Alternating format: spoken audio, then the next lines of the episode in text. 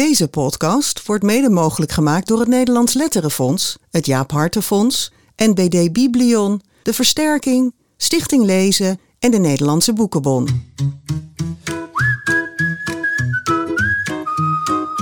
Dit is de grote vriendelijke podcast met Jaap Frieso en Bas Maliepaard. Pas voor de tweede keer in ons bestaan praten we in deze 112e aflevering van de GVP met een vertaler. Bas. Ja, dat is best opmerkelijk. Hè? Ja. We hebben het in de zevende aflevering meteen al gedaan. Hè? Ja. Met, eh, met Laura Watkinson hebben we toen gesproken. Die uit het Nederlands in het Engels vertaalt. Ja. Toen naar aanleiding van haar, eh, volgens mij nog net niet verschenen vertaling van Lampje van Annette Schaap.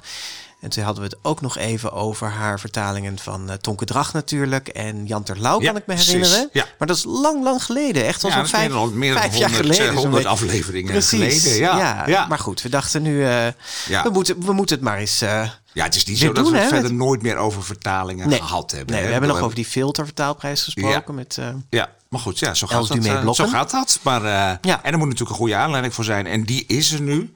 Dus Vind ik daarom ook. gaan we nu weer praten met een, eh, met een vertaler. Dus, eh, en dat is eh, Maria Postema. Welkom Maria. Dankjewel. Ja, onze tweede Ja, vertaler. wat een Ja, eer. Ja, ik ben helemaal precies. vereerd. Leuk. ja, en spraken we met Laura Watkinson over Nederlands in het Engels. En nu doen we het andersom. Want jij vertaalt uit het Engels naar het Nederlands. Juist. En vooral de young adult lezers die zullen jouw naam eh, goed kennen, denk ik. Van meerdere bekende series die je vertaalde, zoals De Hongerspelen, Twilight en Divergent. Maar je bent ook de vertaler van de boeken van de Amerikaanse schrijver Jason Reynolds. En die liggen hier allemaal bij ons op eh, tafel. En in een fraaie oranje uitvoering, Patina. Patina. Ja, toch? toch? Zeg. Patina? Patina. Patina. Ja, Ja, ja, Ja, zegt denk ik nog iets patina. Amerikaanser, ja? Gewoon, hè. Patina. Patina, oké. Ze gingen ook Ja. Patina. Ja, dat is een, eh, een, eh, een geweldig 12-plus boek uit de Track-series. Waarin eh, hardlopen een soort eh, metafoor is eh, voor het leven, zou je kunnen zeggen. ja. Ja. Hoe zou jij track vertalen? Oh, wat gaan we nou weer allemaal van die moeilijke... Ja, Ja, ja. we hebben track. eh, ik noem het de track-serie. Het is atletiek natuurlijk eigenlijk. Ja. Want dat is... Ja, je doet track, dus je zit op atletiek. Ja. Maar dat klinkt toch wel een stuk minder poëtisch natuurlijk dan track. Want het heeft allerlei andere connotaties. Ehm, dus als het in het boek voorkomt, dan zeg ik atletiek of hardlopen. Oh ja, ja, precies. Want het gaat wel echt puur eigenlijk over hardlopen op de baan. Op de baan, ja, maar het gaat- er wordt af en toe ook gehind naar hordenlopen. Dus dat is ook wel echt. Ja. Het is, uh, Maar hardlopen in het bos noem je geen track. nee, dat is uh, cross country of zo, uh, Ja. denk ik. Ja. Uh, Running. Running, ja, run for your life. Ja, ja. Nee, ehm, dit is, ja, track, de letterlijke vertaling is atletiek. Ja, maar precies. track betekent, ja, zonder heel technisch te worden, natuurlijk ook letterlijk de baan. Ja, precies. Waar Ja, ze ja. Oplopen. De. De atletiekbaan. Ja. Ja. Ja. Nou ja, twee jaar geleden verscheen het eerste deel in deze serie in het Nederlands, Ghost. Die titel is niet vertaald omdat het een naam van, eh eigenlijk de bijnaam van nog de overlegd hoofd- of we dat moesten ja. vertalen of niet. Hebben we voor gekozen om dat niet te doen. Ja, Dus dat het is een bijnaam. Ja, precies. En we leggen dat, of ik leg, hebben ik leg Ja. dat in het boek eventjes, in het eerste boek eventjes uit, waarom Ja. hij de bijnaam Ghost heeft. ja. En, en Patina is ook de naam van de hoofdpersoon die eigenlijk Ja. meestal Paddy genoemd wordt, hè? Of Patty. Ja. Eh, goed, nou ja, eh, Ghost is overigens een van de thematitels van de komende kinderboekenweek, werd net bekend. En eh, nou ja, over Jason Reynolds en zijn boeken wilden wij heel graag praten. Het zal niemand verrassen waarom, want we zijn altijd heel enthousiast geweest over zijn Ja, we hebben er meerdere getipt. Ja, Ja, twee dus, volgens eh, mij. Ja, goed, daar ja. gaan we het later nog even over hebben. dus we gaan het uitgebreid over Jason Reynolds Ja. eh, hebben en een heel klein beetje over jou, Ach, eh, Maria. ja, Nee, ik doe gewoon even Jason. Nee, precies. Nee, maar we zetten Jason Reynolds even goed neer, zijn boeken. En natuurlijk gewoon hoe jij met al die vertalingen aan de slag gaat. Maar je doet nog meer. Je bent echt wel een, een, een duizend dingen mevrouwtje. Want je... Duizend dingen, mevrouwtje. Geen duizend dingen doekje, Nee, maar dat- duizend dingen slikte ik mevrouwtje. net op tijd Dit in. klinkt Ja. wel echt heel denigrerend. Nee, Deze gaan we even hernemen. Nee, ja? bedoel ik niet. Ik bedoel, Ze is een duizendpoot. Een duizendpoot? Een duizendpoot, Ja, Vele dingen. Je doet echt gewoon veel dingen. Je bent veelzijdig creatief. Ja. Want je hebt ook eh, zelf boeken geschreven. Je Klopt, hebt twee, eh, twee jeugdboeken Twee geschreven. jeugdboeken voor. Leopold. 13 dag en het oog van de dageraad. Het Ja. zijn ja, avonturenromans waarin geschiedenis gecombineerd wordt met nu, als ik het even zo Ja, over de dagen gaat niet. 13 dag heeft dat wat meer. Het zijn Ja. echt, de, ik wilde heel graag echt klassieke avonturenromans schrijven. Ja. Dus, dat, dus dat is het En idee. is dat de, de, de vertaler die eh, dan denkt van dit kan ik ook wel? Eh, nee, want mensen denken altijd dat ik dat toen ik boeken ging schrijven, toen dachten mensen altijd van, oh, dat is natuurlijk wat je eigenlijk Ja, wilde. Alsof ja. ik uit een soort... Zeggen ze van Ja. recensenten ook altijd. Ja, precies. Oh, Dus dat is helemaal geen vreemde. Ja. precies. Zo van alsof ik dan maar, dan maar vertaler was geworden. Maar ik wilde echt, ik heb mijn hele leven, echt vanaf mijn vijftiende wilde ik al vertaler worden. Dus het boeken schrijven is er eigenlijk bijgekomen dat ik het daar ook met uitgevers over had. Die dat een beetje aanmoedigden en zeiden, kom het lijkt ons zo leuk als. Ehm, en daar is ook weer, ik heb ook een non-fictieboek geschreven over projecten afmaken. En dat rolde daar eigenlijk Ja. weer uit. Heel Ja, want je hebt dit samen met iemand gedaan, hè? Met Ja, Maarten, Maarten Bruns. Ja. Waarom samen? Ja, waarom alleen, zeggen Nou wij ja, omdat altijd. je ook alleen vertaalt bijvoorbeeld. Ja, Ja, Je hebt ook mensen die met z'n tweeën vertalen. Klopt, dat doe je dan weer niet. Nee, dat zou ik ook echt wel heel lastig worden, vinden. Want ik ben echt wel een enorme Pietje precies, Pietje precies als het op eh, vertalen aankomt. Ik vind het heel leuk om samen te schrijven, omdat het. ehm, omdat je altijd vooruit komt. En je hebt altijd ehm, nieuwe ideeën. Je kunt altijd sparren. Wa- Wat ons betreft is het samen beter dan alleen als we Ja. schrijven. En blijf je hiermee doorgaan? Ben je weer met iets bezig? Of Ja, het ja, moet even wat tijd gevonden worden, maar er zijn wel nieuwe plannen. Ja. ja. Leuk. ja. Hey, en dan naast al dat eh, schrijven en vertalen, eh, drum je ook nog Zeker. in een band. Ja, in een band. Ja, Ja, luister maar even. Oh my god.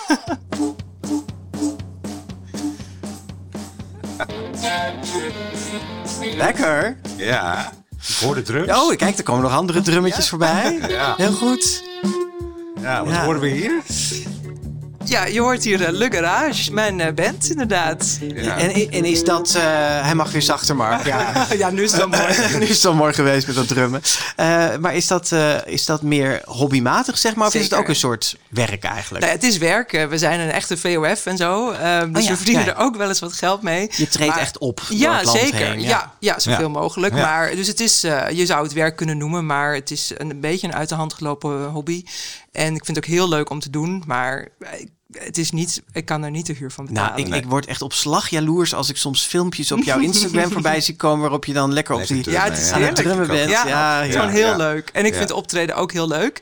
En vertalen is natuurlijk een klein beetje een eenzaam beroep. En ik zit veel achter mijn computer, maar ik vind het heel leuk om voor groepen mensen te staan. Ja. En dan is het optreden met een band eh, ideaal. Ja. Nou, we gaan maar dan klopt het toch redelijk dat ik zei voor een duizend dingen. Nou, Mevrouwtje. Nee, want ik bedoel, ook in het vertalerswerk ben je, je bent wel een soort ambassadeur van het vertaal. Doe je ook veel Ja. nog op dat Ja. gebied. Ja, hè? dat vind ik ook niet- belangrijk. Ja. Dat het eh, vertalers zijn over het algemeen eh, in mijn ervaring vrij introverte wezens. Die het liefst een beetje ineengekropen achter die computer zitten. En het spannend vinden om over hun werk te vertellen. En om daar ook inderdaad een beetje ambassadeurswerk voor te doen, is mijn ervaring. Of ze willen wel ook genoemd worden in eh, recensies en zo. Maar echt naar voren treden van dit ben ik en dit doe ik. Dat vinden veel mensen ja, volgens mij spannend of zo. Maar je hebt altijd de uitzondering op de regel. Ja. Waar, ligt, waar ligt dat aan dan, dat dat zo typerend is voor vertalers? Ja, dat weet ik niet. Eh, misschien omdat je gewend bent om heel erg de stem van een ander te vertolken. En lekker gewoon op de vierkante millimeter aan het pielen bent met woordjes en lettergrepen. En daar je heel comfortabel bij voelt. Dat is natuurlijk heel iets anders dan voor een groep staan of eh, uitdragen van hé, hey, dit is mijn Ja. werk. En wat heb, je- heb jij een soort missie daarin dan? Nou, eh, ja, missie is een groot woord, maar ik vind wel, ehm, ik vind heel leuk om te vertellen over vertalen, omdat vertalen is een moeilijk vak. Het is een vak, het is moeilijk. En heel vaak hebben mensen geen idee van eh, wat erbij komt kijken, hoe moeilijk het is. Iedereen, nou iedereen, maar vaak denken mensen, oh ja, maar ik kan heel goed Engels, dus ik kan vast ook heel goed vertalen. Of ja, ik vond, ehm, eh, er is een beetje zo'n trend in Nederland, zeker bij jongeren, van Nederlandse boeken zijn stom en eh, Ja. Nederlands is slecht en Ja. vertalingen zijn altijd slecht. Ja, en daar kan ik heel slecht tegen, omdat er Nederland heeft heel veel hele goede vertalers die enorm hard hun best doen en echt hele mooie vertalingen maken. Dus dat wil ik ook wel Of laten het zien. voetlicht brengen, dat klinkt wel als een missie. toch? Ja, Ja, ja, vind ik ook wel. Ja, ja. Hey, voordat Jaap jou eh, verder als vertaler dan gaat introduceren, want we weten nu dat je drumt en zelf boeken schrijft enzovoort, maar daar gaat dit gesprek verder niet over. Ehm, eh, nog even dit. Onze vorige gast was eh, Aline Saks. Van haar bijzondere verse roman Wat ons nog rest hebben we vijf exemplaren verloot onder onze vrienden van de show en die reageerden massaal. Nou. Ja, stel ik me, kan ik me ook wel voorstellen met zo'n mooi Ja. boek. Ehm, en we blijven dit, eh, dit soort acties regelmatig doen. Nou, wie weet kunnen we nog wel wat leuke Jason Reynolds boeken Vast weggeven de komende tijd. Ja. Wil je daar kans op maken of wil je ons gewoon steunen? Dat is natuurlijk ook heel mooi. Word dan eh, vriend van de show. Vriend van de show eh, kun je worden via eh vriendvandeshow.nl slash de GV podcast. Of kijk even op onze website. Er staat een mooie oranje knop. Word vriend. Ja. Nou, kom op. Wat, wat vertaalt Maria allemaal? En, ja, eh, nou even vertellen. Je, je studeerde eh, Engelse, eh, Engels en film- en televisiewetenschap. naast hè? elkaar, ja. En je studeerde ook, denk ik, Engels, omdat je inderdaad, wat je zei al, op je Zeker. 15... Ja hoor, ik op je wilde 15, worden. ja, dat wist je Jeugdboeken ook, gewoon. wist ik ook Oh, al. echt? Ja, ja, precies. Ja. Ja. Ja. Je bent in de Utrechtse kinderboekhandel gaan, eh, Ja. gaan werken. En je allereerste vertaling was een deel van de Twilight-serie van Stephanie Ja, was het de allereerste? Een van de allereerste. Oké, Ja, ik volgens heb mij. het ook maar van je website. dus ja, dan, ik heb in, in, mijn studietijd ook nog wel een, een wat dingen vertaald. Maar Houd je, houd je bij hoeveel je vertaalt? Of wat je af en toe tel ik eens. Ja. Maar het, het gaat heel hard. Ja? Ja. Dus, nou, en wat, eh, wat in elk geval, ik weet niet of je dan voor Twilight misschien nog wat dingen gedaan hebt, maar Twilight was in elk geval wel het eerste wat echt groot was. Ja, hè? Ja. echt groot. Maar oh, dat was ook echt... Want ik werkte in die kinderboekwinkel... en we kregen daar een recensie-exemplaar binnen van Twilight. En ik ging dat lezen. Want ik dacht, ah ja, dit ziet er wel leuk uit. En ik las dat en ik dacht... Vampierserie, wauw, hè? Vet, Ja, ja. klassieke... Inmiddels klassiek geworden YA-serie. En toen dacht ik, ja, maar dit wil ik vertalen. Ja. En toen eh, contact gezocht met de uitgeverij. Ah, Oké, dat heb je echt zelf in gang gezet. Ja, en zij waren toen al bezig, maar die vertaler kreeg het niet af. En toen heb ik dat eerste deel heb ik afgemaakt. En toen heb ik gewoon die serie nooit meer eh, losgelaten. Nee. Ja, ja. En op de hoeveel vertaalde jeugdboeken bij benadering zit je? Ja, volgens mij... eh, Zijn we de honderd gepasseerd? Nee, maar we zitten daar wel Tegenaan. om en nabij. Ja, precies. Ja. Ja. Ja. want los van die series en die, die Young Adult series is ook fijn, want dat telt ook wel lekker aan Ja, als je series ja. eh, vertaalt. Ja, elk deel telt als één eh, boek Maar je Ja. moet ze wel Ja. allemaal vertalen. Ja, Ja, maar niet zo dat dat ja, je weet wel dat er nog gewoon vier of vijf komen. Dat, dat, Ja. ja. ja, maar je vertaalde ook eh, op zichzelf staande boeken, zoals eh Julia aan de Haai van Kieran Millwood Hargrave. Die hebben we eh getipt ook in eh GVP. Ja, en De. Ogen en het Onmogelijke, dat staat achter jou in de kast Ja. van eh, Dave Eggers, ook een heel bijzonder boek.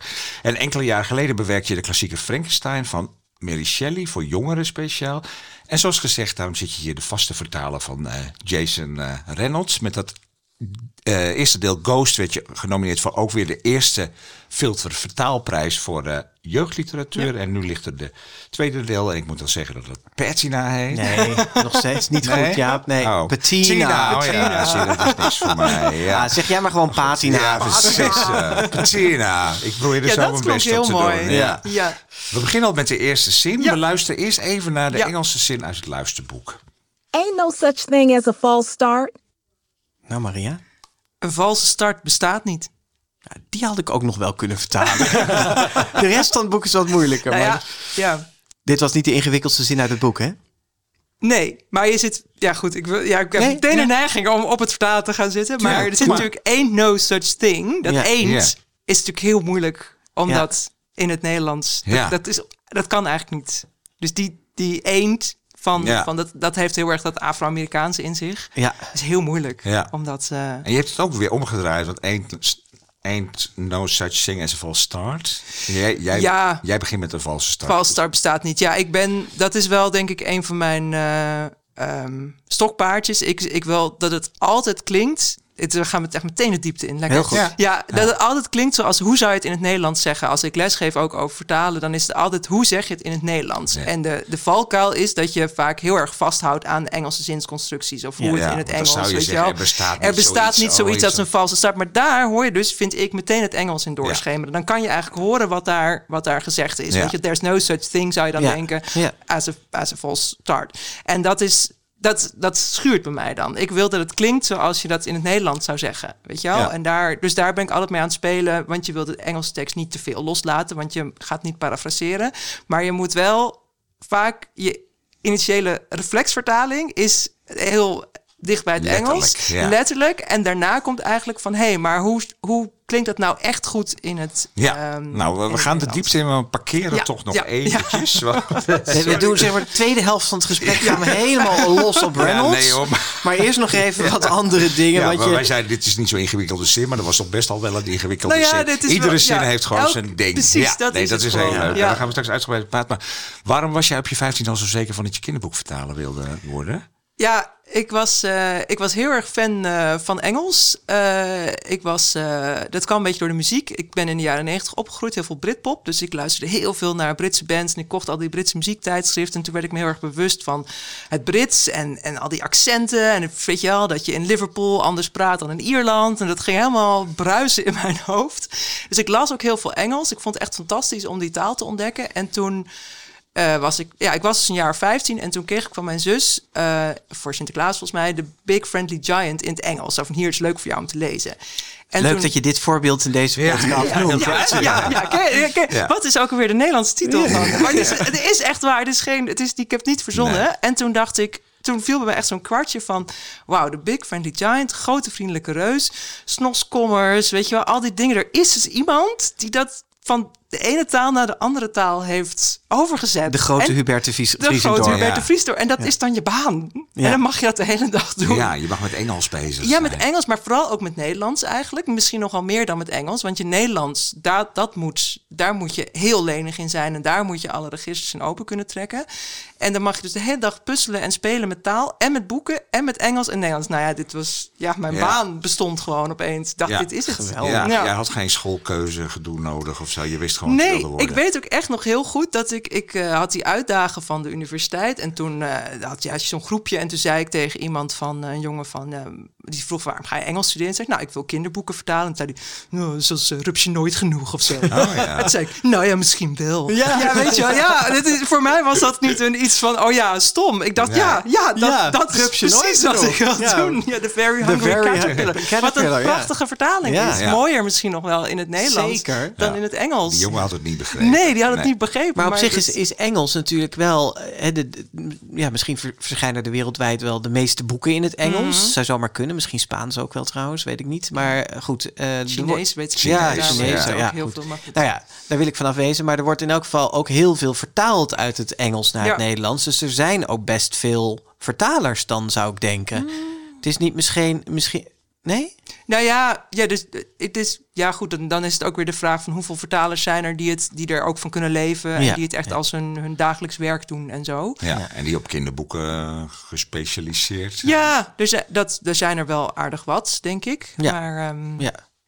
Maar dat was dus niet voor jou een overweging dat je dacht... oh ja, misschien moet ik een andere taal kiezen die wat minder eh, rijk... kwam niet eens bij me op, joh. Nee, nee. dit was gewoon, eh, het stond gewoon, ik zag zo, weet je wel, zo'n soort, zo wat je in de film hebt, zo'n zo'n visioen, zo Ja. pling, met zo'n illustratie Ja. Ja. Ja, het was gewoon... Beamend van het licht, de kinderboeken dit- vertalen. Ja, en stelde dat je met Twilight dat je eigenlijk dat zelf geïnitieerd hebt, hè, naar de uitgever Ja. gebeld van dit moet vertaald worden. ja, en dat waren ze dus wel aan het doen, maar zo van wie, wie is dit, is dit, wordt dit al vertaald? En zo niet, hallo, Mag ik Ja, dit doen? ja. Ja. Ben je, is, is, is het zo doorgegaan? Ja, Of hoe- het, hoe eh, gaat dat met, eh, ehm, nou ja, bij mij heeft het heel erg geholpen dat ik werkte dus in die kinderboekwinkel. Zo kwam ik ook aan dat recensie-exemplaar van Twilight bijvoorbeeld. En dat was wel een goed opstapje om met mensen in contact te komen, met uitgevers. Dat je, je acquisitie wordt iets minder koud. Ja. Omdat je, ja, je, je spreekt mensen ook voor eh inkoop en dat soort dingen. Dus dat heeft mij geholpen om in eerste instantie met uitgevers in contact te komen. En dan moet je vaak in het begin, als beginnende vertaler, een proefvertaling maken. Dus dan is, nou, we hebben een opdracht, maar kan je even deze drie hoofdstukken doen om te voelen of het eh, klopt? Ja, en toen ging het eh, vrij snel. En toen eh, klopte het heel toen vaak. klopte het, ja, kennelijk. Ja, want Ja. ik, vlak na Twilight kreeg ik eh, Gone en The Hunger Games. Dat Ja. is ook allemaal in het begin Ja, en de al Hunger geweest. Games is natuurlijk echt een hele Dat is echt grote. was dat geworden. ook echt je, kan je zeggen, zo, ik weet niet of je vertaler ook een doorbraak maakt, maar kan me Ja. voorstellen dat dat wel echt een ding was. Uiteindelijk natuurlijk, dat weet je natuurlijk niet als je eraan begint. Nee. Dat, is, dat, is, dat, dat ontwikkelt zich. En hetzelfde geldt voor Twilight. Heeft het in Nederland heel lang niet zo goed gedaan. Maar dat werd ook een enorme hit. En The Hunger Games, denk ik. Maar dan waren de zullen, toch, ja, dan zullen toch Ja. andere uitgeverijen wel even naar het colofon gebladerd hebben van wie heeft dat eigenlijk Ja, vertaald. ik weet dat Gone bijvoorbeeld is ook best wel een populaire, populaire Ja. YAC. Dat heb ik ook gekregen. Michael omdat- Grant, Michael ik. Grant, ja, Ja. omdat ik Twilight had gedaan, weet je wel. Ja. Dus dat, eh, Maar je zegt nu ja. steeds, ik heb het gekregen. Oh, ja. Eh, is het dan zo dat uitgevers jou altijd benaderen? Of benader jij zelf ook wel eens uitgevers van eh, even na dat eerste Twilight contact? Heb je Nou, nog wel eens dat je denkt, oh, dit is een boek dat moet echt vertaald worden in het Nederlands, dat bied ik aan. Ja, dat heb ik zelf. Dat is dan weer het lastige van Engels. Omdat uitgevers natuurlijk zelf heel goed Engels kunnen lezen. En Ja. ook heel goed leesrapporten en dat soort dingen kunnen lezen.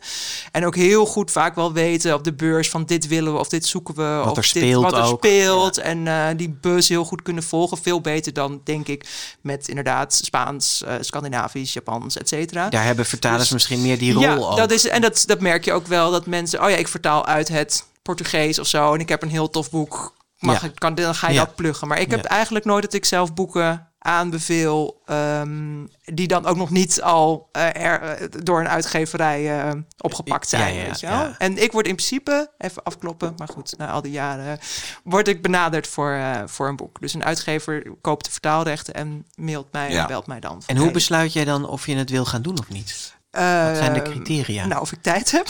Of je geld nodig hebt?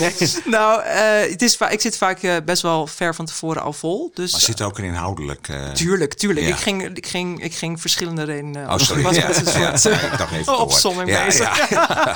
nee, er zit ook. Nee, maar dat je tijd moet hebben, Ja. snap ik. Ja. Nee, maar dat is wel een belangrijk Ja. criterium. Bedoel, Als, ik, als ik een gat heb, dan, dan zal ik eerder iets aannemen. Dus, en ik kijk of het inderdaad eh, past bij wat, ik, eh, bij wat ik leuk vind. ehm, bij wat ik al gedaan heb. Ik wil ook, probeer ook altijd te eh, voorkomen dat ik te veel in een hoekje kom. Dus na de Hunger Games heb ik Ja, je een een beetje fantasy die dystopische weet je, fantasy een Ja. beetje af laten Ja. eh, Vloeien. vloeien. Ja. Ja. maar dat, als ik dan kon kiezen, dan koos ik liever iets voor wat heel anders is. Omdat ik Ja. gewoon die veelzijdigheid graag eh, wil behouden.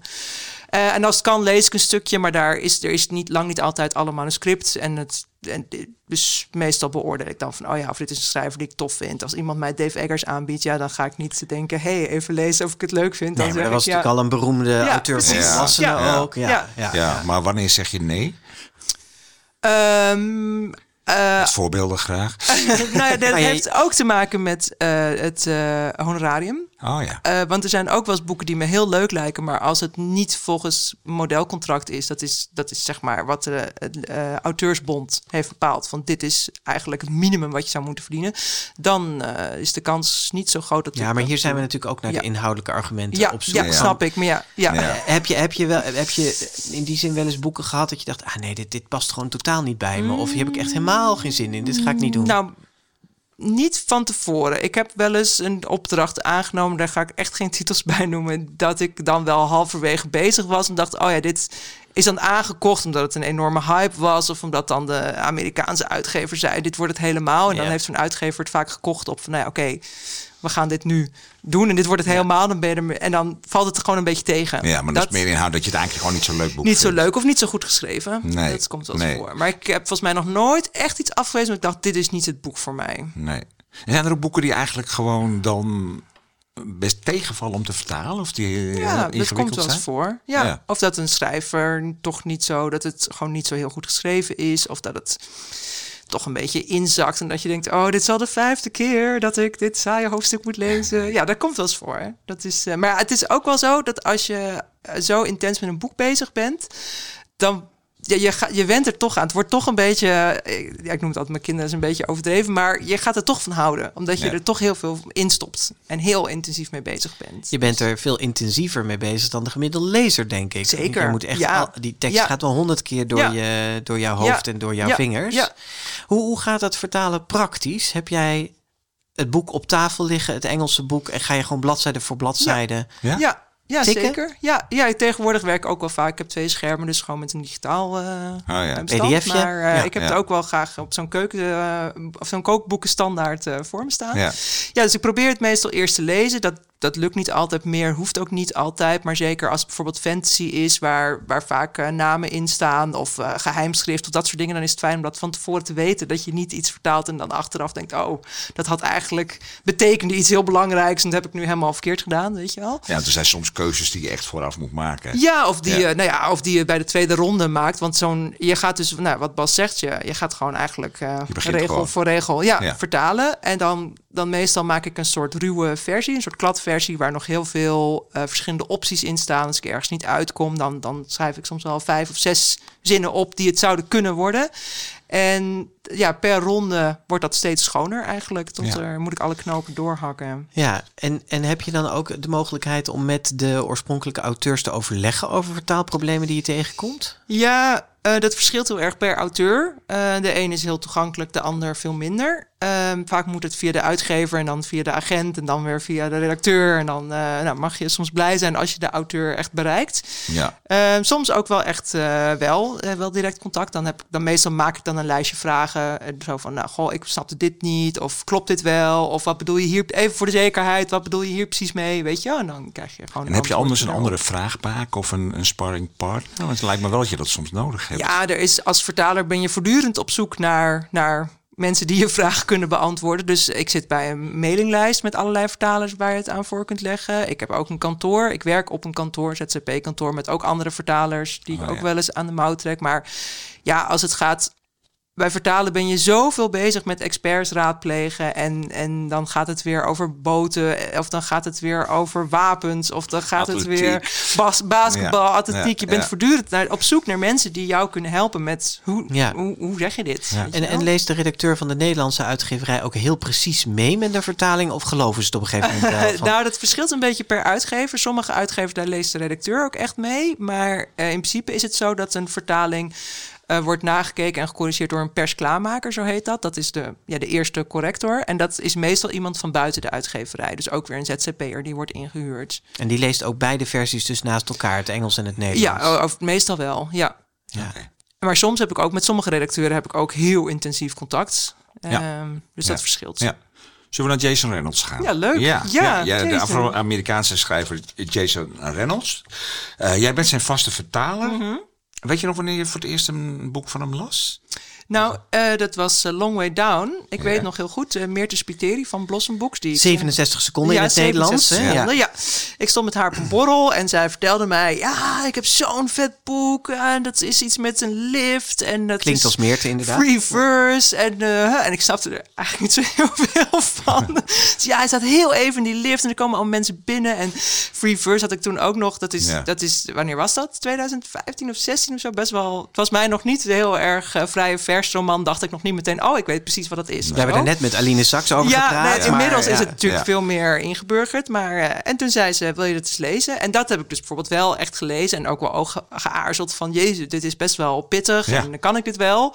Maar Omdat vanwege die vrije versvorm. vanwege die vrije vers en omdat het een Afro-Amerikaanse schrijver is... en het gaat over een Afro-Amerikaanse jongen in een wereld... waarvan ik niet meteen dacht van, nou, ik weet alle ehm, Ins en termen, ins ja. en outs. Ehm, maar ja, het was ook... Kijk, als vertaler gaan je, je, je, je vingers gaan meteen jeuken om daar iets van te maken. En ik was ook heel benieuwd van, ja, wat kan ik daarmee? Ja, het en uitdagend eh, het boek. uitdagend, superleuk. Ja. Dus dat was mijn eerste ervaring met Ja, en dus dat heb je kennismaking met gelezen en Jason. toen ben je dat ja, gaan zeker. En toen heb ik dus ook, toen had ik, ja, toen moest ik echt kiezen van ga ik dit, als we het hebben over inhoudelijke afwegingen, van ga ik dit doen? En eh, ja. Ja, en, Ja. en eh, trof je ook meteen iets in zijn schrijven, zeg maar? Dat je dacht van dit, dit is iemand die iets kan? Ja, hij heeft een, hij heeft een waanzinnige Jason-stijl. Heel erg. Ja, dat, dat kennen jullie als eh, jullie kennen zijn werk. Dus dat, dat, dat komt altijd naar voren. Hij heeft enorm goed taalgevoel. Het is heel ritmisch, maar hij speelt ook heel achterloos met woorden altijd. Dus hij heeft voortdurend, niet alleen in zijn vrije verswerk, maar ook in zijn gewone proza, tussen aanhalingstekens gewone. Ehm, eh, dus dat hij, dat hij twee woorden neemt die heel erg op elkaar lijken, maar iets heel anders betekenen. En dan heel achterloos, alsof hij daar gewoon zo heel soepeltjes. eh, dat zit eigenlijk in al zijn werk. En in 67 seconden komt dat nog net, wordt dat er nog net iets meer bovenuit getild. Ja, nou, we gaan straks nog even naar wat specifieke voorbeelden. Eerst even Jason Reynolds nog wat meer neerzetten, denk ik, voor de mensen die zijn boeken nog en, en hem zelf nog niet kennen. Hij is dit jaar precies tien jaar jeugdboekenschrijver. Ja. Dat is natuurlijk de aanleiding. Dat vieren we hier, ja. Ja, hij debuteerde eh, met de young adult roman Toen ik de sterkste was. Dat is trouwens niet de eerste die in het Nederlands verscheen. Nee. Is later verschenen, Ja. maar het was in Amerika zijn debuut. Ja, fantastisch Eh, debuut ook, moet je ja, prachtig boek. Ja, ik vind het is geweldig. wel een van mijn Ja. lievelings. Ja, ook mij ook. Ja, Ja. ja. Jij vertaalde voor uitgeverij Blossom Books van Meerte Spiteria, Ja. eh, over wie je het net had. eh, dat boek, maar ook andere titels voor jongeren. 67 seconden dus, die versroman. Echte Amerikaanse jongens, dat hij met een andere auteur samenschreef. En daarna besloot uitgeverij Condor ook zijn boeken voor kinderen vanaf een jaar of 10, 11 te gaan uitgeven. Ghost en Patina dus. En het boek Let Goed Op, waarmee hij, en jij dus ook een beetje, een zilveren griffel Zeker, het won. staat nog bij mij thuis. Echt Te- te waar? wachten op het moment dat ik hem een keer aan Jason kan Oh overhandigen. echt? Dus die heb je Ja. niet eens op de post gedaan? eh, Nee, Washington ja, we gaan ervan uit dat hij een keertje naar Nederland komt Ja, en dan eh, leuk ga je zijn. hem overhandigen. Ja. Nou ja, hier is eh, Jason Reynolds dus nog niet een hele grote naam, maar in Amerika geldt hij als een van de bekendste en belangrijkste jeugdboekenschrijvers. Hij won heel veel prijzen, was een paar jaar de Nationale Kinderboekenambassadeur en hij schuift ook regelmatig aan in echte grote Amerikaanse talkshows. Luister maar. Times bestselling author with more than a dozen books to his name, including When I Was the Greatest, All American Boys, and Long Way Down, stamped Racism, Anti Racism, and You. Please, everybody, welcome Jason Reynolds. First on CBS This Morning, we always like when that happens. I'm going to say it again. First on CBS This Morning, the Library of Congress has just revealed its newest national ambassador for young people's literature. You're looking at him. This is Jason Reynolds. Hello, Jason Reynolds. Oh, yeah. He is a best selling and award winning author and poet whose work includes Patina and As Brave as You. My favorite is Long Way Down. I love, love, love that book. Hey, everybody. Welcome back. Ladies and gentlemen, my next guest is a New York Times bestselling author and the National Ambassador of Young People's Literature.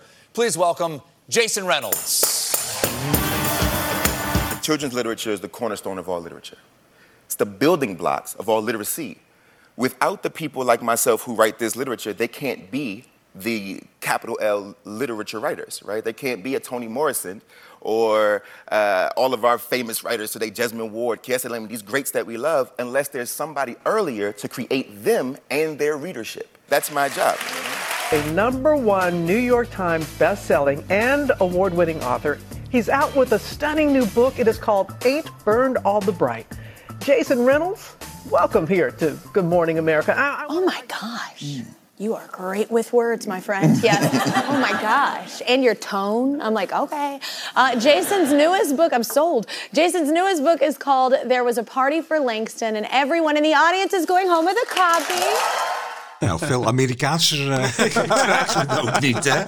Maar goed, je hoorde, eh, hij zit echt in niet de minste talk- Ja. en ontbijtshows. Hè? Je hoorde fragmenten uit Good Morning America, The Late Show, The Kelly Clarkson Show en eh, CBS This Morning. Het zijn echt gewoon, hij, ja, de Ja, die slijmelende tand aan het eind Ja. was Kelly Clarkson. hè? Oh ja, precies. Ja, ja.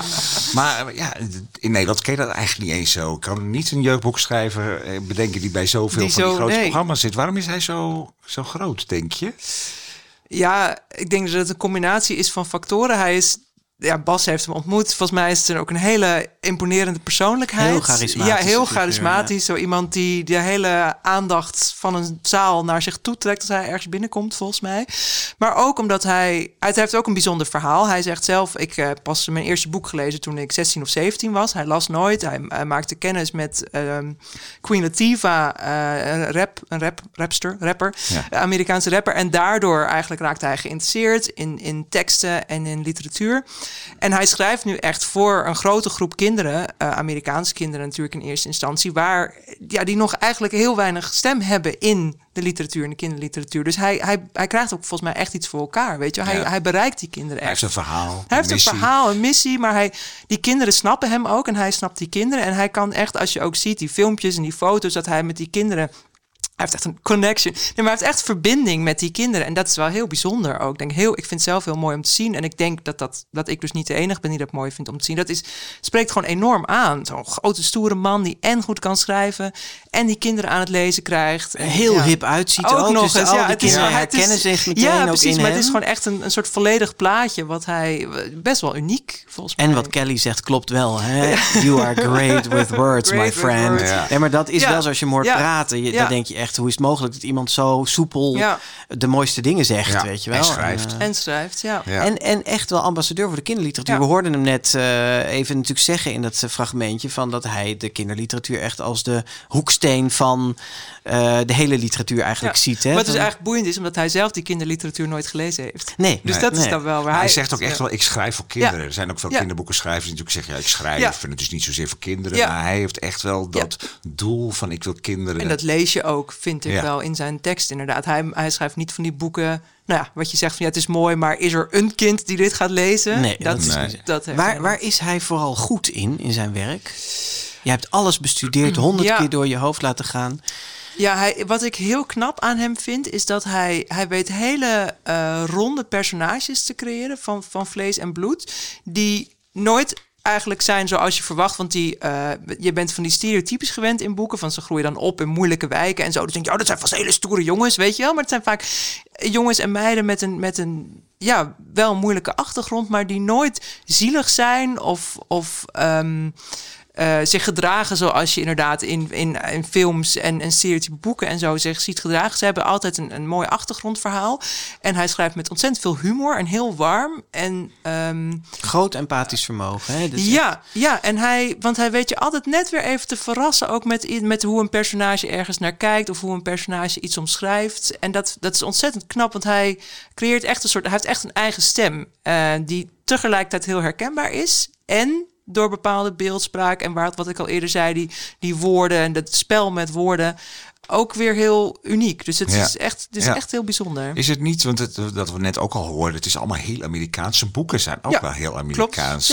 Had dit 15 jaar geleden ook uitgegeven kunnen worden, denk je? Weet ik niet. Ja, waarom niet? Ik bedoel, Nou, omdat het wel heel ja. Amerikaans is. Daar hebben uitgevers natuurlijk ook altijd wel een beetje moeite mee. Ja, maar 15 jaar geleden, toen hadden we ook Nou ja, al... 20 jaar ja, geleden. Nee, je ja. hoort wel eh, je, de, hè, de, de, zeg maar de eh, Black Lives Matter-achtige boeken, Ja. om het zo maar te zeggen. Hè? Dus die heel erg gaan ook over de positie van zwarte mensen in Amerika. Dat werd volgens mij toch 20 jaar geleden wel echt een Amerikaanse kwestie genoemd. Ja. En de, Dat ja, wat moeten zo. Nederlandse kinderen of jongeren Ja. daarmee? Hè? Nee, misschien, ik denk ook wel, eh, het, het wereldbeeld van kinderen is natuurlijk ook groter geworden door social media en door films en series en zo. Dus eh, ehm, je zou kunnen zeggen dat dit 20, 25 jaar geleden nog wat verder van hun bed stond. En dat ze nu zich makkelijker ook kunnen verplaatsen in die personages, omdat ze het veel tegenkomen.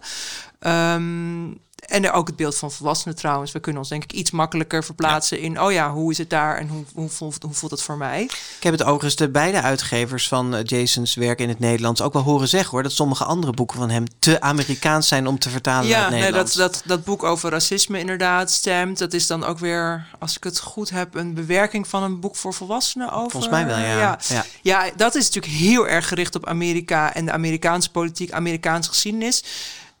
Ja, daar kan je je van afvragen. Ook als een uitgever moet natuurlijk ook commerciële keuze maken in hoeverre dat hier eh, echt zal verkopen. Weet je wel? Dan Ja. denk ik van dan, dan, ik zou heel graag dat boek ook met van een Nederlandse auteur willen over onze.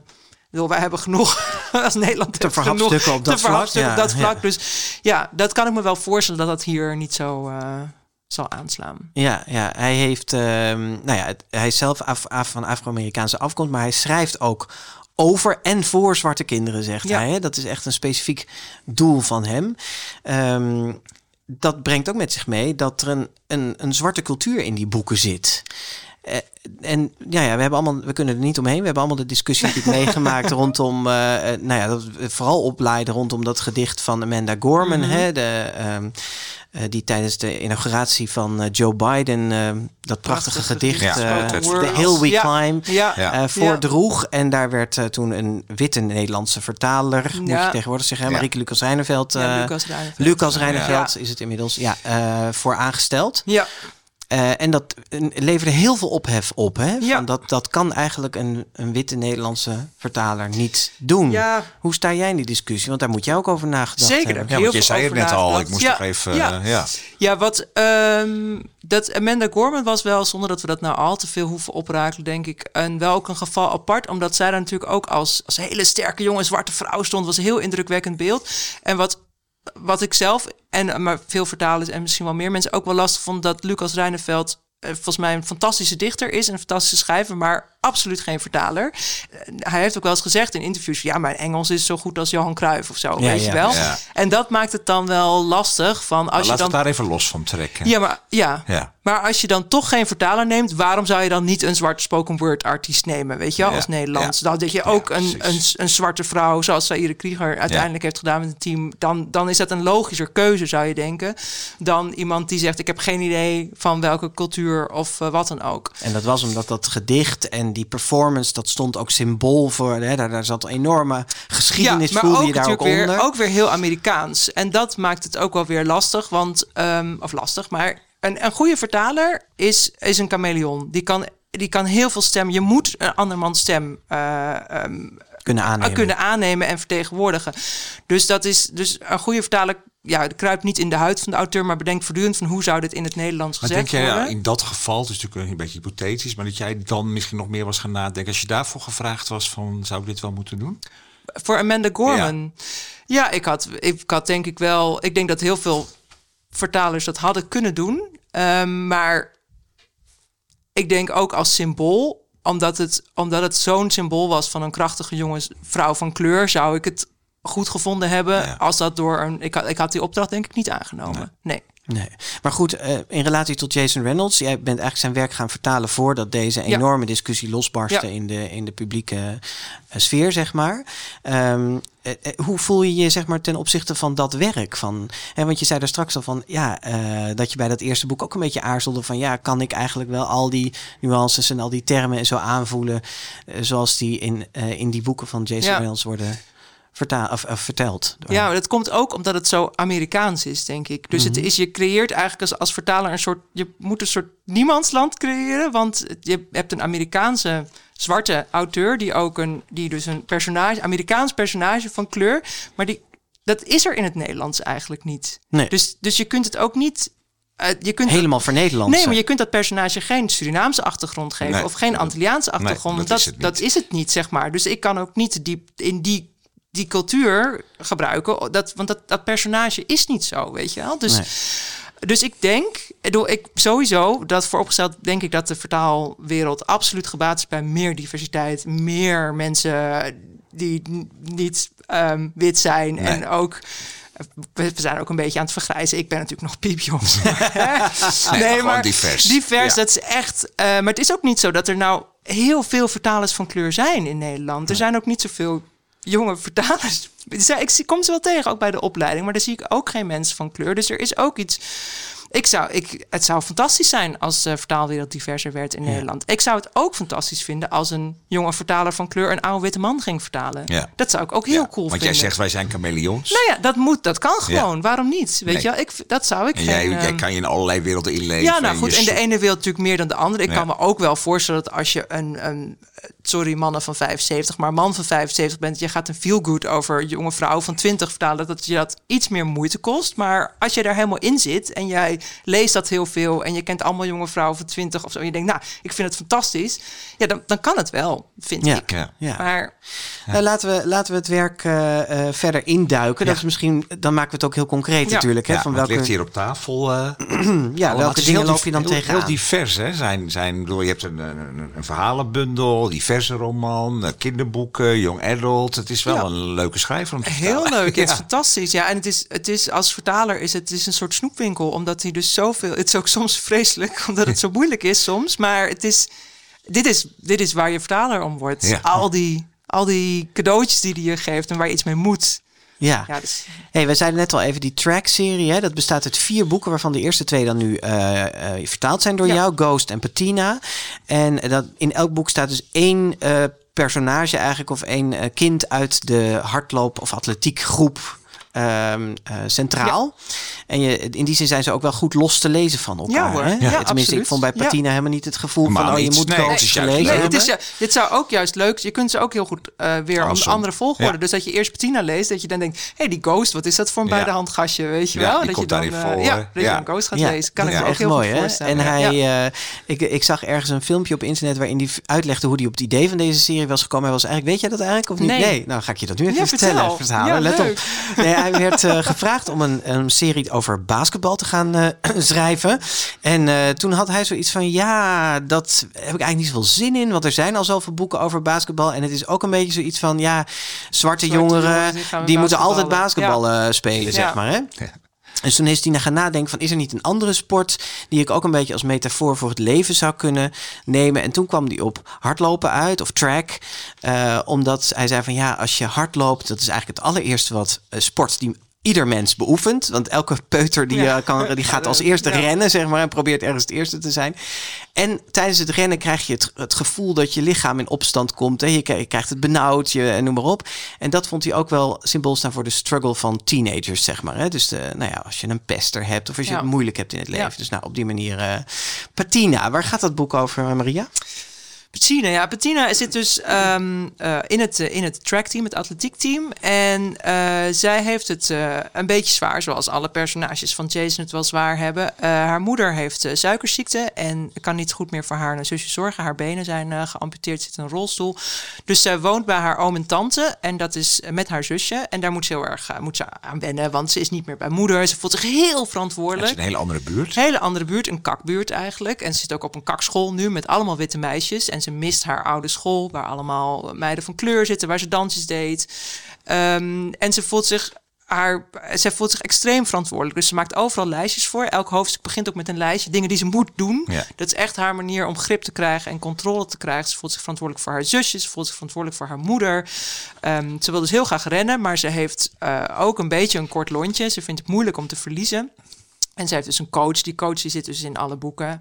Een lieve, Geweldige leuke, fantastische Ja. vaderfiguur. Die ook in dit boek zegt: Ik ben jullie vader niet, ik ben jullie coach. Ja. Eh, maar die haar dus ja, zover probeert te krijgen van ja, ook als je verliest, Bettina, moet je vertrouwen op de mensen om je heen en dan gaan we gewoon door. En Ja. dan, dan stamp je niet boos weg. Dan, ehm, Nee, want de boodschap van het boek is voor iedereen die het stokje te jong heeft moeten overnemen. Ja. Dat is wel heel Heeft leert een estafette Ja. lopen. Ja, hè? ja, ja. want ze gaat dus estafette leren in Ja. het boek. En Ja. zij, zij neemt dus het stokje heel vroeg over, omdat zij ja, heeft dat ze al die ballen in de lucht moet Ja, houden. en dan heeft Dus, ze eh, moeder zonder benen, terwijl Ja. ze zelf heel hard gaan rennen. Ja. Wat En haar Ja. vader is overleden, want Ja. dat heb je nog Oh, niet gezegd. nog niet maar gezegd. eh, Nee, die is Ik ook schreef in mijn recensie, er zijn maar heel weinig auteurs die daarmee wegkomen Ja. eigenlijk. Hè? Want Ja. het is bijna te ja, ze heeft de benen van de te- moeder. Ja. Ja, ja, precies. Maar hij schrijft het zo Ja. dat je daar gewoon heel goed mee kan eh, rennen. Ja. Ja. De, de, de naam Patina, die ging je dus niet vertalen. Nee, Eh, en, en bij Ghost zei je, daar hebben we over getwijfeld. Wat, waarom, wat was de reden om het niet te doen? Nou, omdat het ehm, ook weer omdat het dan zo Amerikaans is. En dan, dan zou je iets als spook of geest of zo. Ja, dat Ja. is toch min. Ik wil niet die mensen eh, aanmoedigen die zeggen alles in het Nederlands is stom. Nee, maar... Maar Ghost klinkt dan toch wel iets toffer. En ehm, het is ook ehm, goed te begrijpen. En ik heb, het in, ik heb dus een klein zinnetje uitgelegd. eh, op het moment dat hij die bijnaam Ja, krijgt. Wordt het even geëxpliciteerd. Ja. volgens mij het in het Zuid-Afrikaans bijvoorbeeld spooky. Dat vind Oh ik ja, dan wel ja. weer cool. Oh, dat is weet wel- je wel? dat is ook wel lievig, Ja, spooky. Ja, Ja. en ook wel. eh, maar ja, dat, er was gewoon eigenlijk geen goed, ehm, geen goed Nederlands alternatief voor. Nee. Hey, de- die, die, die boeken die kenmerken zich ook wel door echt een beetje die... Nou ja, het is, is het straattaal? Kun je dat zeggen? Is het, eh, Ja, ik, dat zeggen mensen. Het is niet altijd, heel maar Het is, vet. niet, het is eigenlijk niet echt super straattaal. Dat, dat Nee. valt me eigenlijk altijd op in zijn boeken. Het zijn niet dat ze. Het zijn hele toegankelijke boeken wat dat betreft. Dus ze, ze praten Afro-Amerikaans. Of ze hebben die, die eend en die jol en die ait. Die, eh, dat zit er heel veel in. Dus dat kenmerkt het wel. Maar echt straattaal. Het is meer spreektaal eigenlijk, ja, vind ja. ik het. Doop. Doop. Ja. Sprak Jaap. Doop. Hoe zorg jij ervoor dat dat in het Nederlands intact blijft, die sfeer van hoe zij praten? Ja, dat is echt een uitdaging. Een deel daarvan gaat simpelweg verloren. Dus dat eend en die dubbele ontkenningen Ah, ja. van eh ain't gonna do nothing eh, about this, weet je wel. Dat, dat is heel moeilijk om dat terug te Ja. krijgen. Dus er, gaat, er verdwijnt een heel klein beetje bij het vertalen. Het zijn wel trucjes, technische trucjes eigenlijk, om dat, om dat wel te krijgen. Ehm, om het spreektaliger te maken. Wat ik bijvoorbeeld doe bij, bij zijn boeken, is dat je ehm, het, een woord als niets, dat wordt altijd niks. En eh, als je hebt je kunt of je zult, want dat is hoe het. Je Dat is, kan. je kan en je. Ja, Ja, wij gaan heel, vaak, heel snel Amsterdam Ja, precies, ja. Maar je kan en je zal maakt het ook spreektaliger. En eh, af en toe doet i, dus doet streepje ie, ja. doet hij in plaats van doet hij. En mun, in, dus m eh, apostrof n in plaats van mijn, weet je wel. Dat zijn dingetjes ehm, waarmee dat spreektalige eigenlijk vrij makkelijk naar boven kunt Ja. halen. En toch diezelfde sfeer kunt Ja, het is eh, meer spreektalig dan straattalig eigenlijk. ja, maar dat, dat vind ik in het, dat vind ik voor Jason ook eh Ja. gelden. Ja, en het grappige is natuurlijk wel dat in, in de Nederlandse jongere taal, zullen we maar zeggen, ook heel veel Engels zit. Ja. Dus soms hoef je het ook niet eens te vertalen, Nee, denk soms ik. hoef je het niet te vertalen. Dus een dope of een bro of zo laat ik staan. Ja. Zeker bij zijn YA doe ik dat nog wat extra. Ook omdat er gaat dan eh, komen ze bijvoorbeeld komen die eh, jongens komen zo'n kapper binnen, zo'n echte Afro-Amerikaanse kapper. Een barbershop. Zo'n barbershop. En die man zegt dan brothers. Ja, dat Ja. laat ik staan, want dat is zo. Dat hoor je zo'n man zeggen. Weet Ja. je wel? Dat kan prima voor. YA. Er staat hier geloof ik in kalkoenvleugels forever. Ja. ja. dat soort ja. Vond ik wel weer Maar grappig, ja, die dat- combinatie. Kijk, als je, daar, als je jongeren hoort praten, dan is elk Ja. woord om. Ja. De ene woord is Nederlands, de andere is Ja. Engels. Dat is echt, Ja. het wordt steeds Ja. Ja. extremer. Dus, Ja. dus, dus je kunt dat. Dat, is, dat is, maakt het je makkelijker, inderdaad. En hier zitten ook woorden in patina als sneaky en Ja. eh, chill en dat soort dingen. Dat zit er, dat zit er allemaal Ja. in. Maar Ja. het We zou gek even zijn om horen, het weg want te eh, laten. we zitten Ja. al op eh, bijna Ja, 50 oh, minuten. Voorlezen. ja. Ja. Ja. Hey, dat gaan we even doen door eh, een stukje van het Amerikaans. Dat laten we uit het Amerikaanse luisterboek horen. Dat is ingesproken door de Amerikaanse actrice Heather Alicia Sims. En dan ga jij daarna zeggen hoe jij dat vertaald hebt. En dan gaan wij daar weer commentaar op leggen. You always run when the gun goes off, so I know you ain't deaf, Crystal. Wit was clearly reaching the end of her patience rope, and I couldn't blame her. But I also couldn't blame Crystal for being snappy. This was whack. Pair up, you're gonna dance with each other, and you can pout and suck your teeth and whatever else, but if you wanna win as a relay team, Wit stopped dancing, folded her arms across her chest. It's your call. Je gaat altijd rennen bij het startschot, dus ik weet dat je niet doof bent, Crystal. Wits geduld was duidelijk bijna op. En ik kon het haar niet kwalijk nemen. Maar ik kon het Crystal ook niet kwalijk nemen dat ze zo snauwerig was. Dit was waardeloos. Tweetallen nu. Jullie gaan met elkaar dansen en je kan zagrijnig doen en tjoeries maken en weet ik wat. Maar als je als estafette team wil winnen... Wit stopte met dansen en sloeg haar armen over elkaar. Zelf weten. Geweldig. Ik vind dit zo leuk. Als je, er viel mij nou bijvoorbeeld weer op dat er staat reaching the end of a Ja. patience rope. Wat is dat? Ja, dat is wel... Dat, Het dat, einde van je gedulddraadje. Ja, van je Ja. gedulddraadje. Dus dat, Ja. dat, daar zit wel, dat is wel wat, dat is Engels idioom wat ik niet goed, als je dat dan in het Nederlands, ik heb daarover getwijfeld, maar dan wordt het weer heel gauw heel overdreven. Dat je denkt, ja, dit zeg je niet zo in het Nederlands. Nee. Dus het is hier wat in het Nederlands iets meer afgezwakt. En soms kan je dan in het Nederlands Ja. juist wat meer uitpakken. Dat is echt leuk, wel. want dat Dus, is eh, bij iedere zin- ja. Was bijna op. Ja. En snappy, dat wordt Ja. snauwerig. Ja. Ja, Ja. grappig. Maar het, het, het eh, opvallendste in Ja. dit stukje is natuurlijk dat ze zegt van you can suck your teeth. Mhm. En daar heb jij van gemaakt, je kunt churis maken. Ja. En dan vroeg jij mij voor, voor deze aflevering al, weet jij wat churis is? En toen moest ik even heel diep graven. Ik zei geloof ik nee. En later dacht ik, oh, ik had het misschien toch geweten. Maar hoe kwam je op dat woord churis? Ja, ik kende het woord uh, tjoeries eerlijk gezegd wel. Tjoeri, een tjoeri maken. hè. Voor mij... Het is een Ja. soort, eh, even voor uitleggen wat het is. Het is Ja. een soort afkeurend gesis. Ja, of- dus wat suck your teeth, het is je, je, je, je ehm, zuigt eigenlijk de lucht Ja. tussen je tanden en je lippen door naar binnen. Het zit nog een keer in dit boek en dan is het ook heel grappig. Dan is het, staat er in het Engels van eh, dat ze, ze zoog zo hard op haar tanden, dus hè, dat even letterlijk, dat haar hele gezicht bijna binnenste buiten werd gekeerd. Dus dat, daar heb ik ook weer churi eh, gemaakt, van gemaakt. Het churi is eigenlijk dus het woord dat we daarvoor hebben, dat is Surinaamse afkomst. Ehm, Ehm, ja, ik kende het woord churi zelf wel. Maar ik weet ook nog dat ik dit zat te typen eh, op mijn kantoor dus. En dat ik aan mijn kantoorgenoten vroeg van... jongens, weten jullie wat een churi is? En iedereen zei nee. En toen later vroeg ik het kennelijk nog een keer. Toen zei iedereen, nee, hey, dat heb je al gevraagd. Wel. oh, oké. Eh, maar eh, ik heb dus getwijfeld en geaarzeld van... moet ik churi gebruiken? Omdat ik weet dat, dat een x-aantal lezers niet zal weten wat het is. Maar ik vind eigenlijk, er is geen ander woord wat we hebben in het Nederlands. Dat vind ik altijd een beetje van, ja, kan je iets anders kiezen? Of wordt het dan omschrijven? Nee, er is geen ander woord. Dit is het woord dat we hebben. En, uh, op, ik heb... op je tanden zuigen, dat slaat, ja, dat slaat nergens, nergens op. Nee, je kunt wel zeggen een afkeurend geluid maken. Ja. Of uh, met je tong klakken. Dat vind ik heel netjes voor dit boek. Ja. En ik weet gewoon dat als een... Stel dat een uh, tussen, aanhalingstekens, ne, tussen aanhalingstekens Nederlands Tina dit leest, die weet echt wel wat een churi is. Dus ik vind het cool dat zij dan in dit boek ziet, hey, een churi, nou die maak ik ook wel. Het mag niet van mijn moeder of zo, weet je wel. ja. ja. dat vind ik leuk. En uh, dus ik heb geaard, ik heb het er ook met de uitgever over gehad, want de uitgever zei ook van, ja, is dat wel, is dat wel bekend genoeg?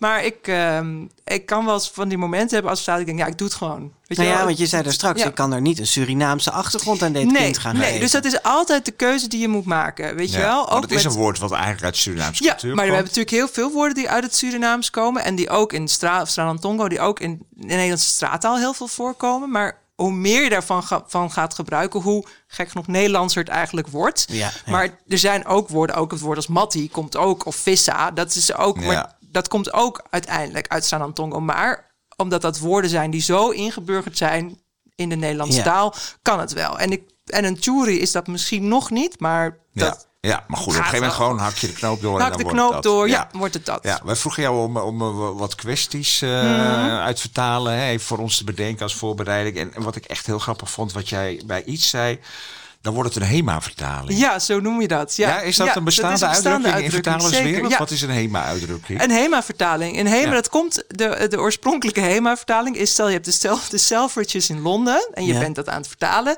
en je denkt de Selfridges, nou dat weten mensen niet wat het is. Ik maak er de HEMA van. Dus iemand loopt dan in Londen de HEMA in. Nou heb je tegenwoordig in Londen wel een paar van die HEMA's Ja, waar je maar dat stroop uit zou komt. toch Maar dat Ja. kan niet. Dus het is dat iemand eh, voor Arsenal voetbalt en dat dat dan opeens Feyenoord is. of dat ehm, iemand een snoepje eet en dat dat een Haags hopje wordt. Ja. Dus een hele Nederlandse vertaling die, die, die eh, schuurt, wrijving geeft met de, met de Amerikaanse of de Engelse. Maar de- Jury valt daar dus niet onder. nou, eh, nee, omdat ik dus vind dat je... eh, ja, je kunt hier natuurlijk je kunt, je kunt hier uren over discussiëren. Ja. Dus dat vind ik ook leuk eraan. Ik wist ook toen Het ik de dit woord gebruik... ja. Ja. maar stel dat zij... Kijk, het zou anders zijn dat zij bijvoorbeeld een gerecht eten. Een, een, eh, een gerecht wat gumbo of zo, weet je wel. In uh, Louisiana, een stoofpot. Dat zit bijvoorbeeld in... eh, toen ik de sterkste was, dat heb ik laten staan als gumbo. Als ik daar dan bijvoorbeeld rotti van had gemaakt. Ja, of pom precies. of zo, Ja. weet je wel. Dan zou je... Het is niet per se meteen een HEMA-vertaling... maar dat is wel een grote ingreep. Want ze eten opeens iets heel anders... wat zij misschien wel niet eens kennen... of wat niet per se bij hun specifieke thuissituatie past. Ja. Leuk, hè? Dit is Echt, wat ik, ik dacht van dat. HEMA, dat, omdat dat ja. zoveel oer-Hollands, maar dat komt ook echt van die Selfridges nog. Nou ja, dat, dat, ja, zo noemt zo. Dat is Ja, in geweldig? heet dat Ja, een HEMA-vertaling. Ja, dus je, kan je, je kunt je echt afvragen. Er wordt ook wel eens op zo'n vertalerslijst gevraagd: van, is dit een HEMA-vertaling of niet? Ja. Ja. Hey, Reynolds is een hele elastische schrijver hè, die nogal de trucendoos opengooit. Je hebt het al een beetje verteld. Woordspelingen en zo. eh, termen die niet betekenen wat ze zijn. Woorden die rijmen. Nou, dat levert veel kopzorgen op. En een mooi voorbeeld daarvan dat staat in het volgende stukje. We luisteren eerst weer even naar het eh, Amerikaanse luisterboek. The ride home always goes like this. Mommy turns the radio news down, then asks how practice was. I tell her it was fine. She asks if I'm tired, and even if I am, I tell her I'm not. Just because I don't want Maddie to hear that I'm tired and think I won't be able to help her with stuff like her homework, which every day when I ask her about it, she tells me Momly already helped her, and before I can even say anything, Momly just says, Didn't want you to have to worry about it, which I just nod at.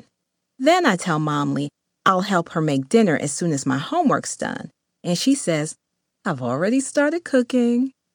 And by then, Maddie's already started kicking the back of my seat for the rest of the ride, which drives me crazy, but also in some weird way kind of relaxes me. Like a massage and a message. I'm here, Patty, and I'm fine. Ja, een Ja. massage en een message. Ja. Nou, wil je voorlezen wat je hiervan gemaakt hebt? Zeker. De rit naar huis verloopt altijd zo. Mamli zet het radionieuws zachter en vraagt hoe de training was. Ik zeg prima. Ze vraagt of ik moe ben en zelfs als ik dat ben, zeg ik van niet. Want ik wil niet dat Maddie hoort dat ik moe ben en denkt dat ik haar niet met haar huiswerk en zo kan helpen. Waarover ze elke dag zegt als ik er naar vraag dat Mamli haar al geholpen heeft. En voordat ik ook maar iets kan zeggen, zegt Mamli, daar hoef jij je niet druk om te maken. En dan knik ik alleen. Dan zeg ik tegen Mamli dat ik haar met het eten zal helpen zodra mijn huiswerk af is. En dan zegt zij, ik ben al begonnen. En tegen die tijd zit Maddie al voor de rest van de rit tegen de achterkant van mijn stoel te schoppen. Waar ik altijd gek van word. Maar wat me op een rare manier ook rustiger maakt. Als een massage en een mededeling. Ik ben hier, Patty. En alles is oké. Nou, je trok al een beetje je wenkbrauwen op bij dit zinnetje. Als, je, als een massage en een mededeling. Is dat een grote kopzorg geweest? Dat Ja, zinnetje? zeker. Daar Ja. heb ik echt dagenlang over nagedacht. Ja, en als je het nu voorleest, denk je, ik heb het goed gedaan? Nou ja, nee, ja, ik weet het. Ik eh, weet dat ik het. Ik vind dat ik het goed gedaan. Dit is de Ja. keuze die ik heb gemaakt. Eh, like a massage en a message is een typische Reynolds. Eh. Twee woorden die maar één letter verschillen, heel iets anders betekenen en op een achterloze manier van alles Ja. overbrengen. Dus ehm, ja, daar kan ik, daar kan ik. Er zitten er tientallen in eh Patina. Er is ook ehm, dessert voor de deserted. Oh ja. Oh ja. Marsepein voor de hart, tegen de hartepijn. Is dat, Ja. voor- dat is dan wel gelukt. Ja. Hoe, Die hoe had je dit ook kunnen vertalen? Bijvoorbeeld? nou, ik had hier, ik heb er dus heel, oh man, ik heb hier uren over gepeinsd. Nee, maar echt waar. Want een massage en een message, ehm, dus je zit met twee woorden die eh, heel iets anders betekenen, één letter verschillen. Dus ik had op een gegeven moment eh verlichtinggevende berichtgeving. Wat op zich prachtig is en zelfs spoken worderig en zo. Maar dat zou Bettina nooit op die manier zeggen. Dus Nee. het- zoals dat heet, een te hoog register. Dat Ja. zit dus te moeilijk. Ja. Dus dat heb ik weer laten gaan. Dan heel even denk je dan, oh yes, weet je wel. En dan is het weer verdwenen, omdat dat, dat kan niet. Dus ik heb uiteindelijk gekozen voor een massage en een mededeling. Omdat je wel die alliteratie hebt. Ja. En je hebt wel, weet je wel, eh, de, rest, de rest van de rit, de rest of the ride, dat loopt lekker. Dus daar zit wel ook weer die alliteratie en dat ritme in. En ja, rare manier ook rustiger. Dus het, is, het wordt een beetje gecompenseerd door die andere dingen. Ja. Dus het is niet zo mooi als het, als het Engels. Dit is eigenlijk maar- bijna een beetje onvertaalbaar. Dan, ja, hè? nou dat heb, Ja. je, dat, dat heb je met Reynolds, eh, met Ja. Jason. Heb je dat soms? Ja. Soms kan je het ook weer een beetje compenseren elders. Ja. Dat is in Ghost het bijvoorbeeld, heeft hij op vrijdag hebben ze vrij. Weet je al, Friday is the day off. Vrijdag, vrije dag. Oh, dat is echt een cadeautje. ja. En dan denk je, ja, daar zou Jason misschien nog wel meer mee gedaan hebben. Maar dat, Ja, eh, ja. dus Dat doe je in zijn geest. Doe nou jij ja, in zijn geest heb ik het daar wel iets benadrukt. Ja. Weet je wel? Omdat dat gewoon... Het kan bijna niet dat Ghost daar niet... Weet je wel? Daar even op, nadrukje opgegaan op was. Ja. En nou, als het om, om spreektalig gaat, hè, dat laatste zinnetje van I'm here, Paddy, and I'm fine. Daar heb je niet van gemaakt en het gaat goed met Nee, me of zo. niet. Nee. En, dan is, en alles, is oké. Ja. Je ziet het ook in dat hè, I tell her it was fine. De tweede zin is dat. Mam, uh, mam die vraagt hoe het was. Dat ik zeg prima. Ja. Dat is ook nog weer ietsje korter. Maar zo, zo voel ik dat Patina dat zegt. Weet je wel? Ik zeg dat het goed ging. Of ik zeg dat het prima ging. Nee, ik zeg prima. Dat is hoe een kind, denk ik, ja. Zo dat Ja. vertelt. Van ja, Ja. prima. Ja. Ook als het niet prima was. Ja. Ja. Jeetje. Oh, het is echt... eh, Nee, het Ja. is heerlijk. Ja, het is- ja, ja. De ondertitel van dit boek is Patty is geen bagger. ja, Ja. no junk is het. Ja. eh, Paddy ain't no junk is het geloof Ja. ik, hè? Ja. En ik, ik las... Patty ain't no junk. Ja. Jij las een heel andere Ik las iets heel anders. Ik las dus, ja, Patty Ja. is geen bagger. En nou ja, goed, dat moeten mensen in de Urban Dictionary maar gaan opzoeken wat dat betekent. Maar dat is ook een soort, eh, ja, hele... Ja, Ja. ja. En maar jij bent wel de enige. Echt waar? De enige die daar iets over heeft gezegd. Oh ja. Het was meer dat ik zelf dacht, bagger vind ik niet een heel woord wat je heel snel... Nee, ja, het is één no junk. We moesten dit op, we moesten dit op tijd eh, verzinnen, omdat het moest Ja, al in de folder titel, en zo, ja. weet je, titel. Ja. Dus, ehm, en het komt een paar keer terug in het boek. Van dat, Want wat betekent het in het boek? Nou, het, ik vind uiteindelijk dat het in het boek wel lekker naar voren komt. Want het gaat over eh, die moeder die, die, die vindt Bettina, die zweept haar een beetje op. Hè, van nou, Bettina, you, you ain't no junk.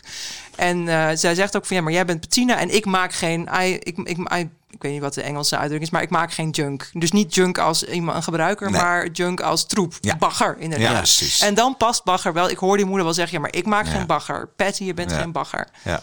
Ja. En Momley heb je trouwens. Momley is de, dat is de vrouw die niet haar moeder is, maar Een waar soort adoptiemoeder eigenlijk, ja. Ja, Ja, daar dus heb haar tante. Momley van.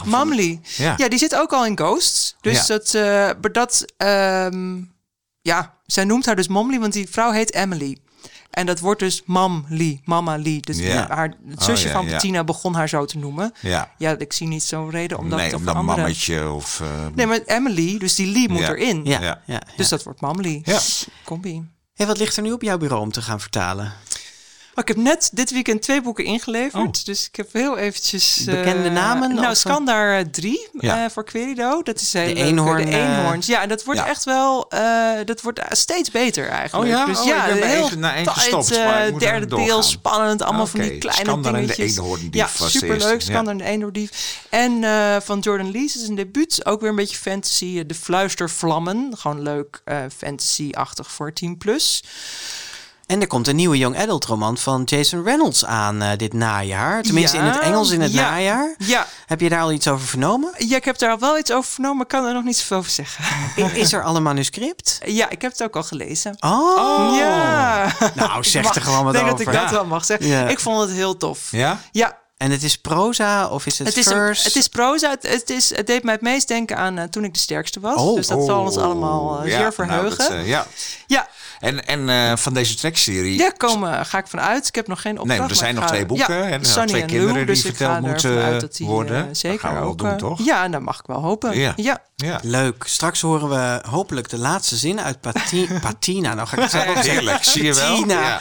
eh, van jou. Maar eh, eerst natuurlijk dit. De grote vriendelijke parel. Ja, die uitgesproken favoriet, het verborgen pareltje of het boek waar iets wel wat meer aandacht voor mag komen. En dat vragen we altijd eh, aan onze gasten. En onze boekenplank staat er inmiddels vol mee. En er kan nog zeker een boek bij. Welk boek zet jij erop? eh, Ja, Maria? ik zet daarop de zomer dat we Parijs bestormden van Clémentine Beauvais. Ja.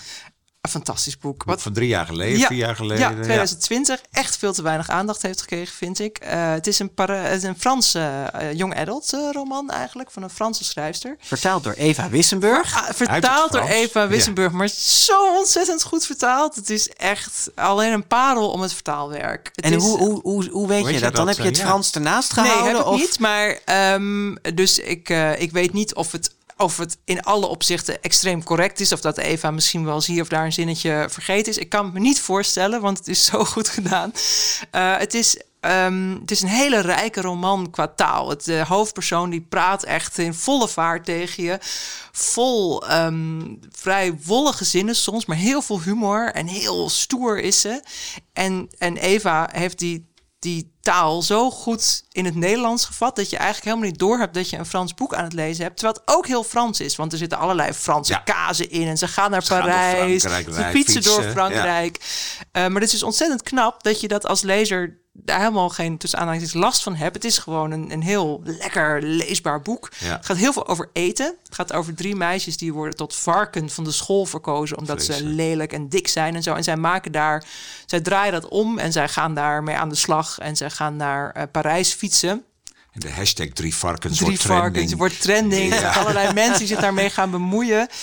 En Dus het gaat heel veel over eten en over kazen en over copieuze maaltijden. En ik vind het boek is eigenlijk ook zo'n maaltijd. Waarbij je dus, dan beschrijft die hoofdpersoon... neem ik nog een kaasje en nog een olijfje en hier is een wat zeg bel je dat wijn, mooi, ja. weet je wel. En dit boek is, je moet het savoureren, weet je wel. Het is echt alsof je nog weer een hapje en nog Ja. weer dit. En ook nog hier nog een Ja, chocolaatje. het is best een overvloedige Het maaltijd. is heel overvloedige Het is een beetje over maaltijd. dus je moet, ja, je eh, moet daar een beetje tegen kunnen denken. Wel, het is denk ik niet voor iedereen. Of je moet er even op voorbereid Niet voor zijn. Jaap, hij gaf het een 7. Nee, maar toch nou, achteraf, de- ik heb wel heel erg van het boek genoten. Ja. Het is een heerlijk boek om te lezen. en het is ik dus had alleen gewoon wat zeurdingen weer bij. Maar het is, het is wel echt een, een heerlijk boek. En dit is super actueel, dus wat dat betreft, eh, als het gaat over de behandeling van vrouwen en eh, social media. Body en positivity. Body, ja, maar ook Ook identiteit. Ja, en hoe zij daarmee omgaan. En hoe ze omgaan met de patriarchale mannen-samenleving... die vrouwen altijd beoordeelt op hun uiterlijk. En ook dat zij, vind ik mooi, zij, gaan dus niet, zij maken niet een of andere make-over door. Ze kiezen er ook echt voor om dat niet te doen. Wij zijn gewoon wie we zijn, weet Ja. je wel? En, eh, En ze vinden elkaar. Dat ze is vinden elkaar. Vrouwenvriendschap, ook echt fantastisch. Ja, het is, ik vind het echt geweldig leuk. En wat ik leuk vond, wat ik ontdekte, Ja. was dat de schrijfster Clementine Beauvais is dokter. Ja. Clementine Beauvais, In, aan 35. de Universiteit van York. Geboren Franse, maar nu dus docent inderdaad aan de universiteit eh, in York. En eh, ook vertaalster.